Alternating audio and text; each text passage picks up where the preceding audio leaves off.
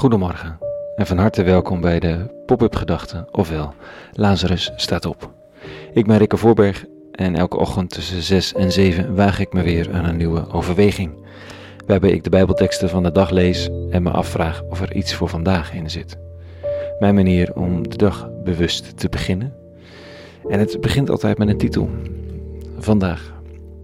De leegte van de eeuwige. Pop-up Gedachten maandag 10 februari 2020.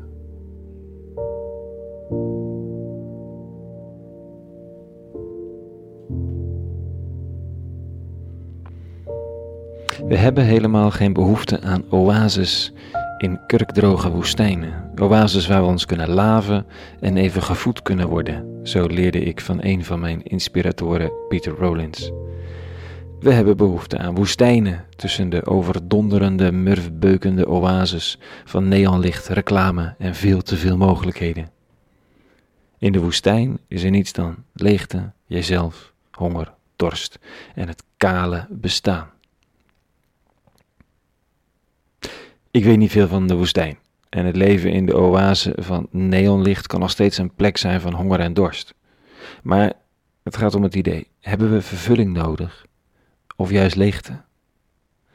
En biedt leegte misschien precies de vervulling die er nodig is?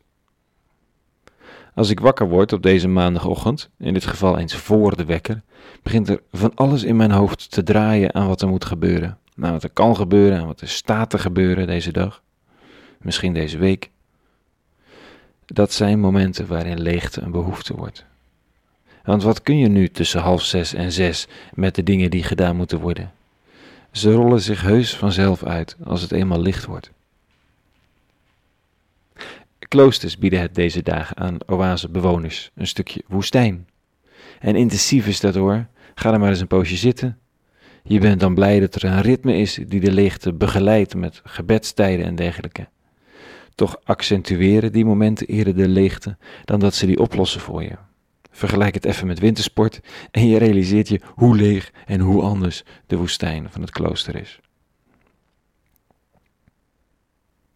Vandaag lees ik in de, tekst, in de teksten van de dag, zoals die in de katholieke kerken en kloosters gelezen zullen worden, ehm, over de leegte van de eeuwige.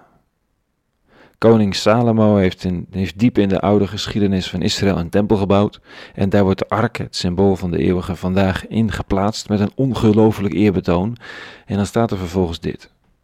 Daarop brachten de priesters de verbondsark van Yahweh naar haar plaats in het binnenste van de tempel, in het allerheiligste, en zetten haar onder de vleugels der gerubs.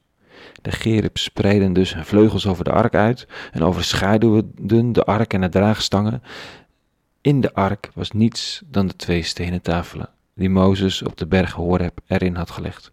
Het waren de tafelen van het verbond dat Yahweh bij de uittocht uit Egypte met de Israëlieten gesloten had. Zodra de priesters het heilige hadden verlaten, vervulde een wolk het huis van Yahweh. Een lege gouden kist, waarboven engelen hun vleugels uitspreiden. Er liggen twee stenen platen in met tien voorschriften en dat is het dan. En als de eeuwige bevestigt dat dit de plek is om te wonen, gebeurt dat met een wolk. Ook zoiets, net niks. Het is er wel, maar als je dichtbij komt, zie je het niet meer. Je loopt er dwars doorheen en van een afstandje concludeer je dat het toch echt een wolk was. Ik weet niet of deze wolk net zoiets is, maar in de bergen liep je dan de mist in. En als je er bovenuit was geklommen, keek je boven op de wolken. Dat zag er dan heel massief uit, maar je herinnert je niets anders dan vage mist met hele kleine druppeltjes. De eeuwige is niet vast te leggen. Jij en ik zijn het ook niet. Er is niet zoveel grip. Niet op wat goddelijk is en dus vervolgens ook niet op wat menselijk is. Wil je aan de slag met het innerlijk? Ja, dan zijn er niet eens zoveel tools. De coach vraagt, ja, eh, wat denk je zelf? De monnik zegt, ga maar zitten en wees stil. Iedereen die net als ik een behoefte heeft aan heldere stappen, acties, planmatig, vindt dat me ingewikkeld. Maar het is de leegte en de stilte en de verwondering. In dat alles beweegt zich de Godheid die zichzelf liet kennen in de geschiedenis van het Joodse volk.